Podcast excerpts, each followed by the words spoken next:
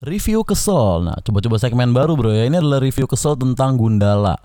Jadi kalau lu belum nonton Gundala ini akan mengandung spoiler ya. Jadi mending lu berhenti di sini, skip ke episode berikutnya. Tapi kalau lu udah nonton Gundala dan pengen denger pendapat gue tentang Gundala, nah gini pendapat gue nih. Jadi pertama nih, lu tau yang botak itu kan yang pakai kacamata yang kayak sare yang bisa nunjukin api dari tangan tuh yang bisa ngipnotis orang. Nah itu tuh uh, aktornya Ari Tulang anjir. Gue baru tahu setelah gue baca-baca di rumah gitu. Itu Ari Tulang cuy lu tau gak sih?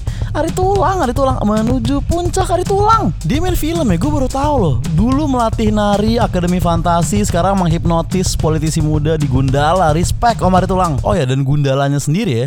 Gue tuh di Twitter banyak temen gue ngecengin Gundala loh. Kayak dialognya jelek katanya atau atau dia nggak bilang jelek di mana cuman dia intinya ngecengin Gundala di Twitter ya. Kalau menurut gue mantep ah merinding gue pas yang flashback ke Pengkor tuh sama yang pas si yang sare itu hipnotis Dirga Utama gue anjing keren nih gitu kenapa ya? Ini mungkin orang-orang teman-teman gue di Twitter nih emang orang-orang yang gue pakar movie kali ya standarnya tinggi gitu. Maunya yang kualitas-kualitas yang gila-gilaan gitu mungkin. Orang-orang yang rasanya seleranya keren unik nonton segala macam film dan pengen orang tahu itu gitu. Mereka tuh pengen followers-followers Twitternya tahu bahwa referensi mereka tinggi sehingga ketika ada sutradara yang berusaha membuat Marvel atau DC Universe versi Indonesia lu cengin lo gila.